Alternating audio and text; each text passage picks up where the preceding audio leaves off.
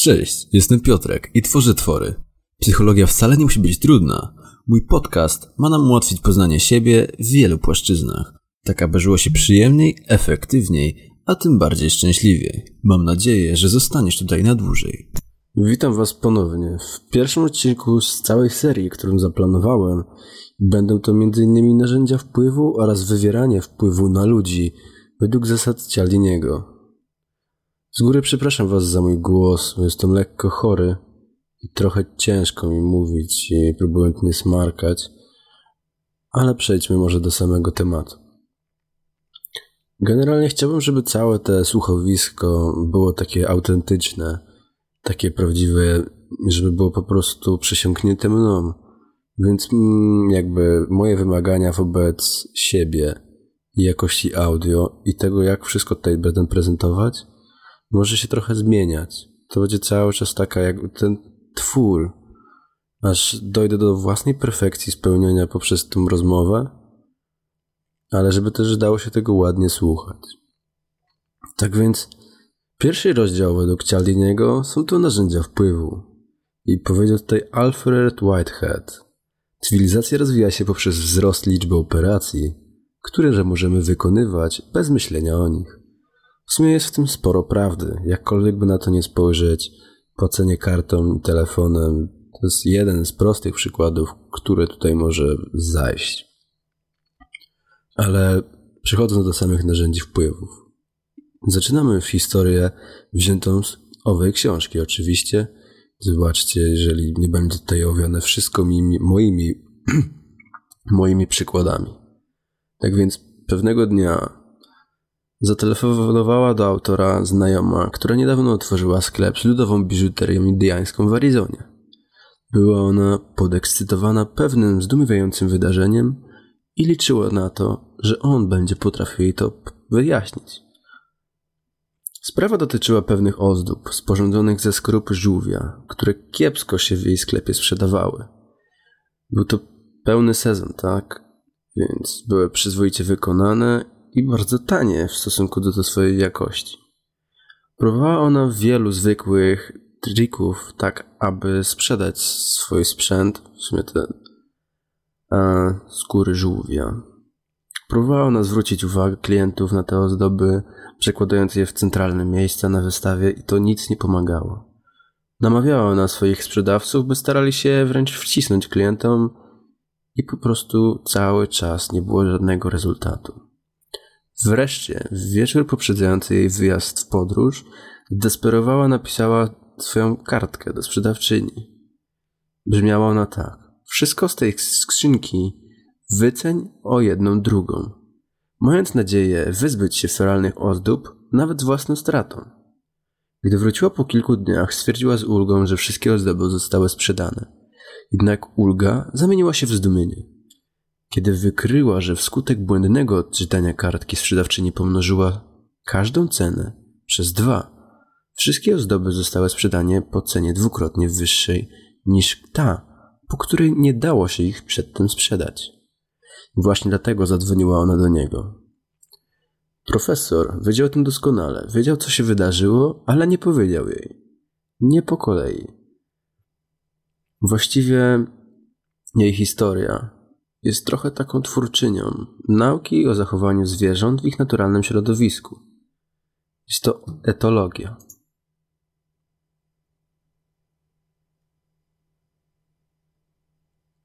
Historia dotyczyła matek indyczych. Indyczki są dobrymi matkami, kochającymi, czujnymi i opiekuńczymi. Mnóstwo czasu spędzają na zajmowaniu się młodymi, na ich czyszczeniu, ogrzewaniu i zagarnianiu pod własne skrzydła a jednak w ich postępowaniu jest coś dziwacznego. Całe bowiem te matkowanie zostało zapoczątkowane przez jedną właściwie rzecz. Cieniutkie chip-chip, wydawane przez indycze pisklęta. Inne cechy rozpoznawcze piskląt, takie jak zapach, dotyk, wygląd, w ogóle tutaj nie mają żadnego znaczenia. Kiedy więc piskle wydaje charakterystyczny dźwięk, jego matka opiekuje się nim. Kiedy jednak nie wydaje tego dźwięku, Kompletnie nie zwraca uwagi na pisklaka, czasami nawet go wręcz zabija. Krańcowe uzależnienie indyczego matkowania od tego jednego dźwięku zostało dość dramatycznie zilustrowane przez etologa Foxa w 1974 roku w eksperymencie, w którym posłużył się on wypchanym zwierzęciem tchórzem. Dla dorosłej indyczki tchórz jest naturalnym wrogiem wzbudzającym agresję, powodującym dziobanie i głośny jazgot. Prowadzone przez Foxa doświadczenia wykazały, że wypchany tchórz podciągany do indyczki na sznurku spotykał się z natychmiastowym i gwałtownym atakiem.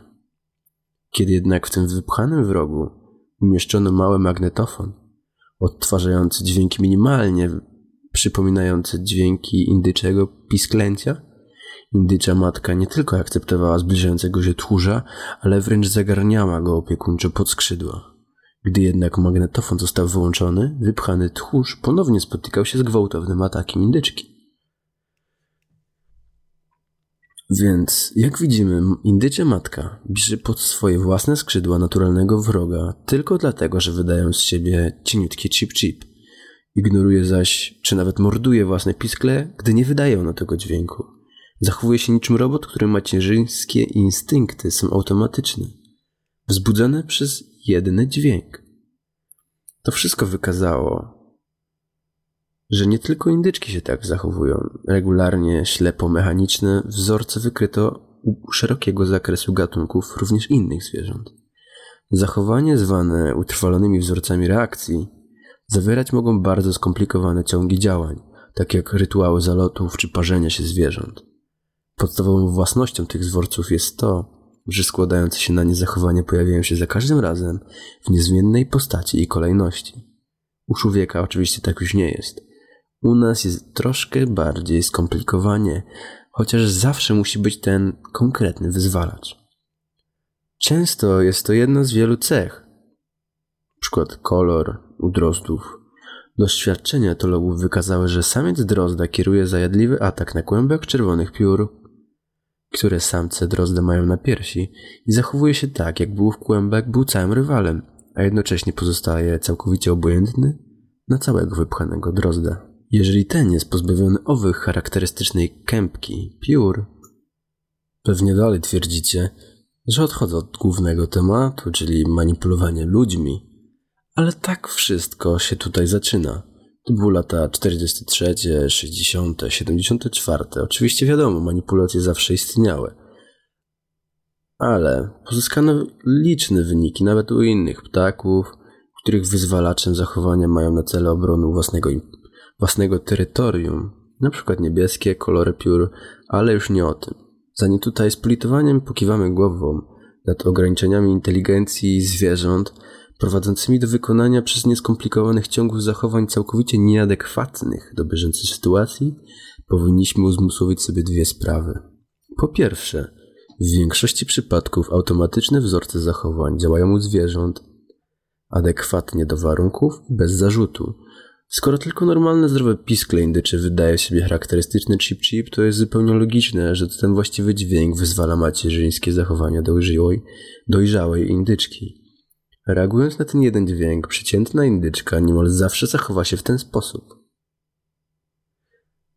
Zachowanie zaczyna wyglądać na głupie dopiero wtedy, gdy pojawi się nietypowy czynnik, jak eksperymentator. Drugą ważną sprawą, która należy zrozumieć, to fakt, że zachowanie nas samych, ludzi, również z góry jest zaprogramowane na takich taśmach. I aczkolwiek zwykle jest to dla nas pozy pożyteczne, również my możemy zostać tak zwane wpuszczeni w maliny. Kiedy określone wyzwalacze wprawią owe taśmy w ruch w nieodpowiedniej do tego sytuacji. Rytuały godowe u ludzi nie są aż tak sztywne i niezmienne jak u zwierząt. Przynajmniej jednak badacze wykryli szereg wzorców zalecania się które są zdumiewająco podobne w wielu różnych kulturach ludzkich.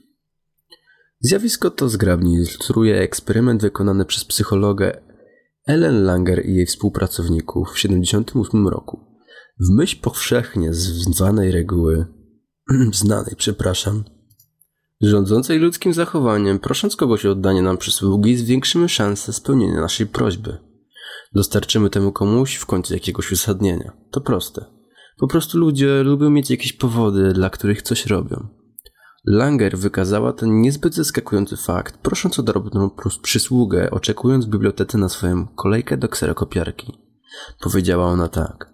Przepraszam, mam tu pięć stron. Czy mogłabym skorzystać z kopiarki, bo bardzo się śpieszę?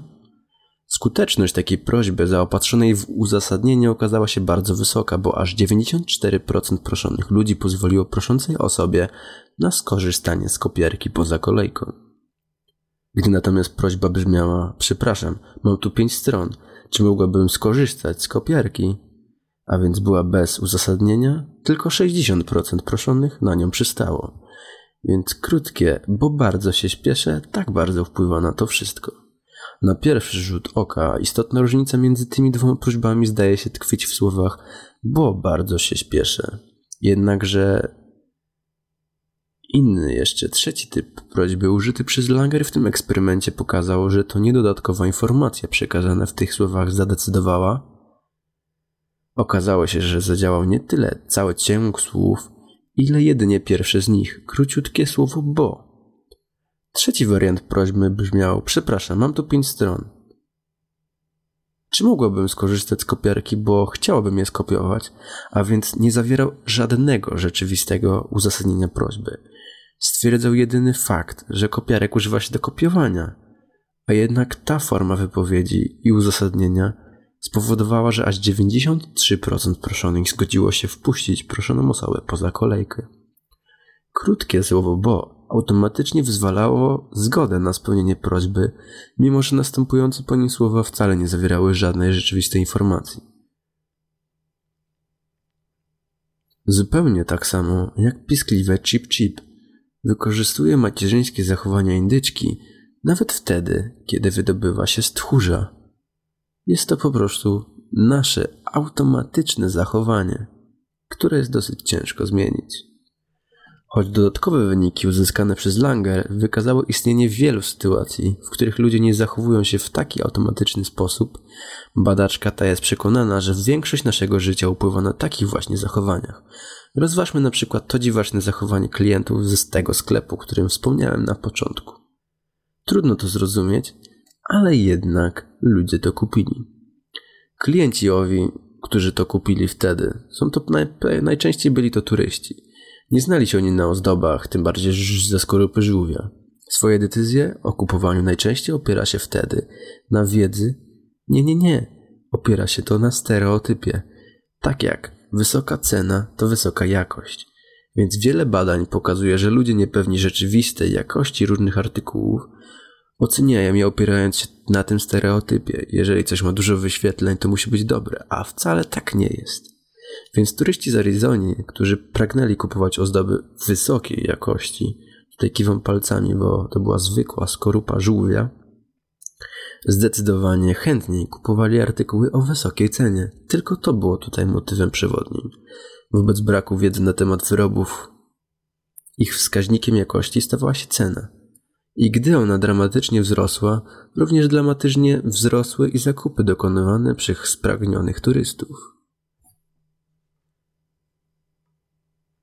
Zapewne łatwo tutaj powiedzieć, że turyści nie grzeszą nadmiernym rozsądkiem, jednak chwila zastanowienia wystarczy, by jednak nie osądzać ich tak całkowicie od czyi wiary, jak nam się to wydaje. Przecież są to ludzie tacy jak my. Jaka cena taki produkt?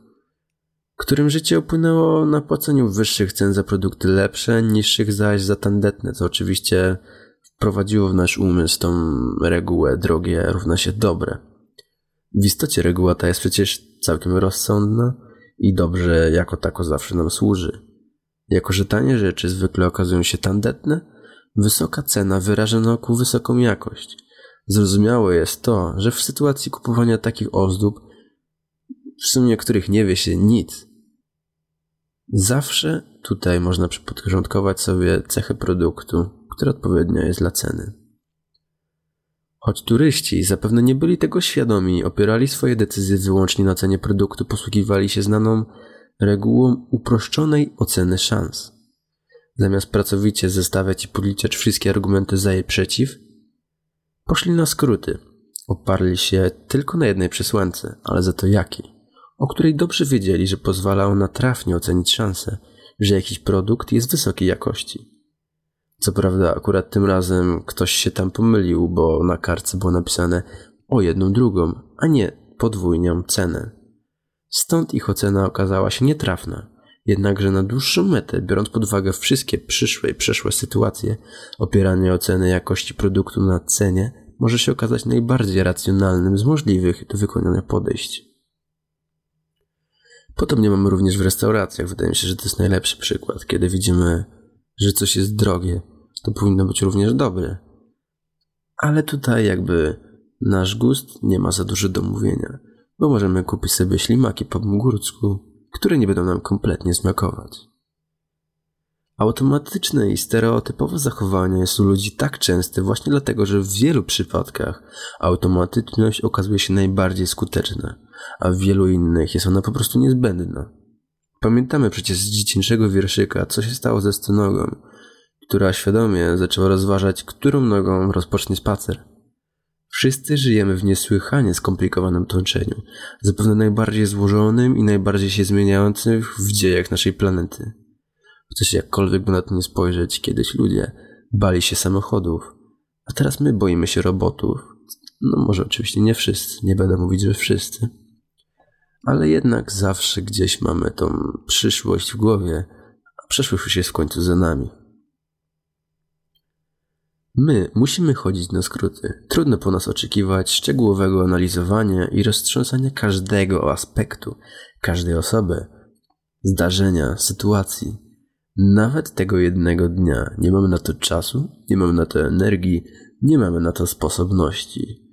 Zamiast tego często musimy posługiwać się różnymi stereotypami, czy z regułami tylko z grubsza prawdziwymi, aby klasyfikować napotkane obiekty na podstawie nielicznych kluczowych ich cech i potem bez dalszych deliberacji reagować na te spustowe albo widoczne cechy, które w danej sytuacji akurat występują. Czasami wywołane w taki sposób zachowania okazują się niedopasowane do rzeczywistych wymogów, a schematy czy stereotypy nie są prawdziwe za każdym razem. To, że widzimy jakiś przedmiot z zewnątrz, nie znaczy, że musi być tak samo z wewnątrz. Tak samo mamy z człowiekiem. Kiedy go poznajemy, nie zawsze musi być taki, jaki nam się wydaje. Jednakże jesteśmy skazani na pogodzenie się z niedoskonałością, ponieważ w istocie nie ma żadnego innego wyboru.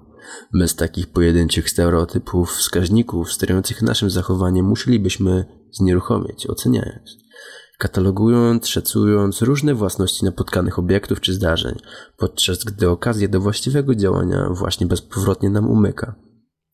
W dodatku wszystko wskazuje się na to, że nasze uzależnienie od takich wskaźników automatycznie sterującym naszym zachowaniem będzie w przyszłości rosnąć.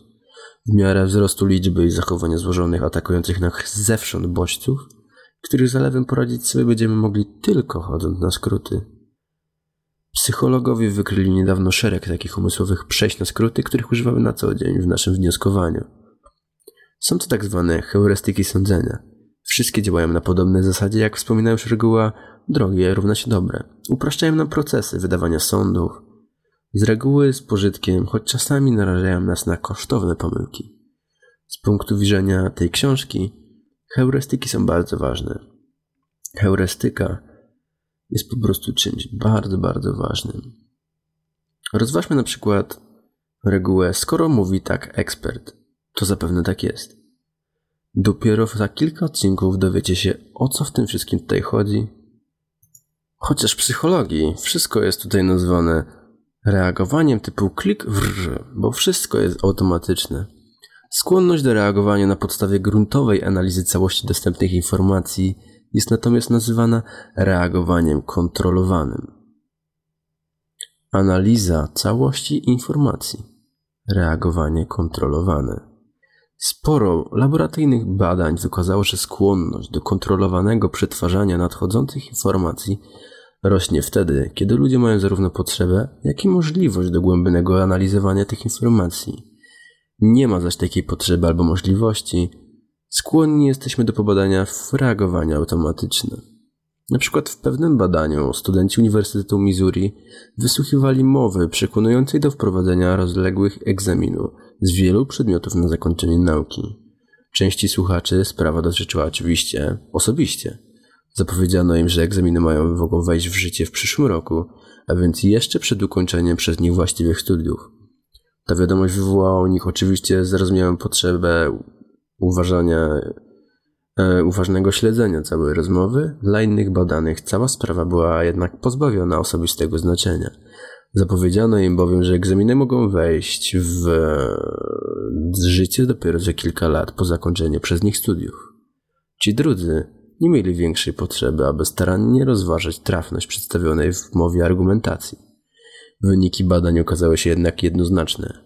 Badani z grupy drugiej, nie mając osobistej potrzeby zastanawiania się nad tymi argumentami, niewiele zwracali uwagi na jakość, a dawali się przekonać wtedy, gdy mówca został im przedstawiony jako ekspert w dziedzinie edukacji.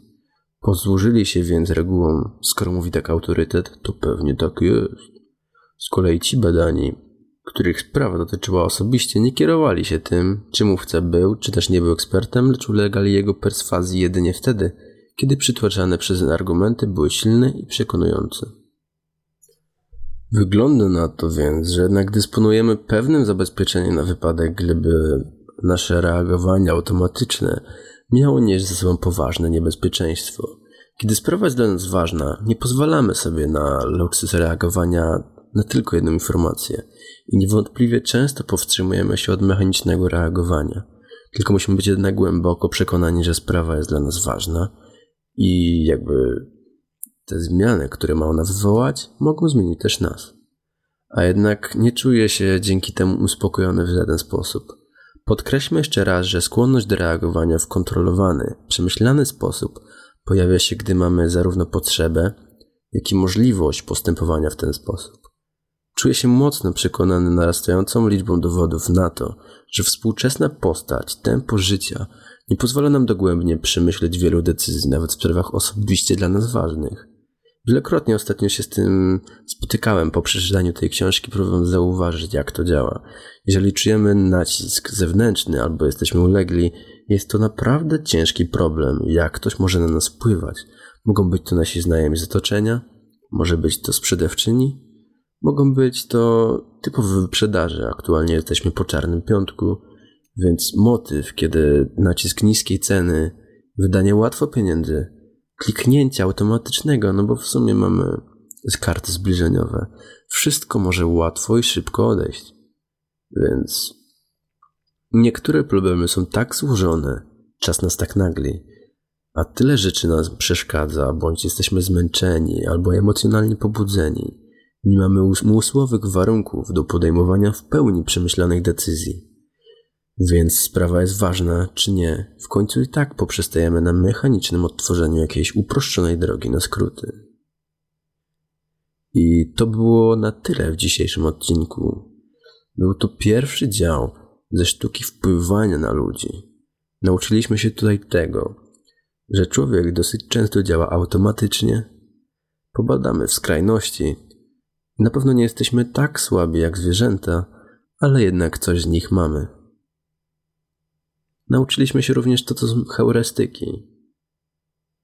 E, będziemy to jeszcze rozgadywać w kolejnych odcinkach.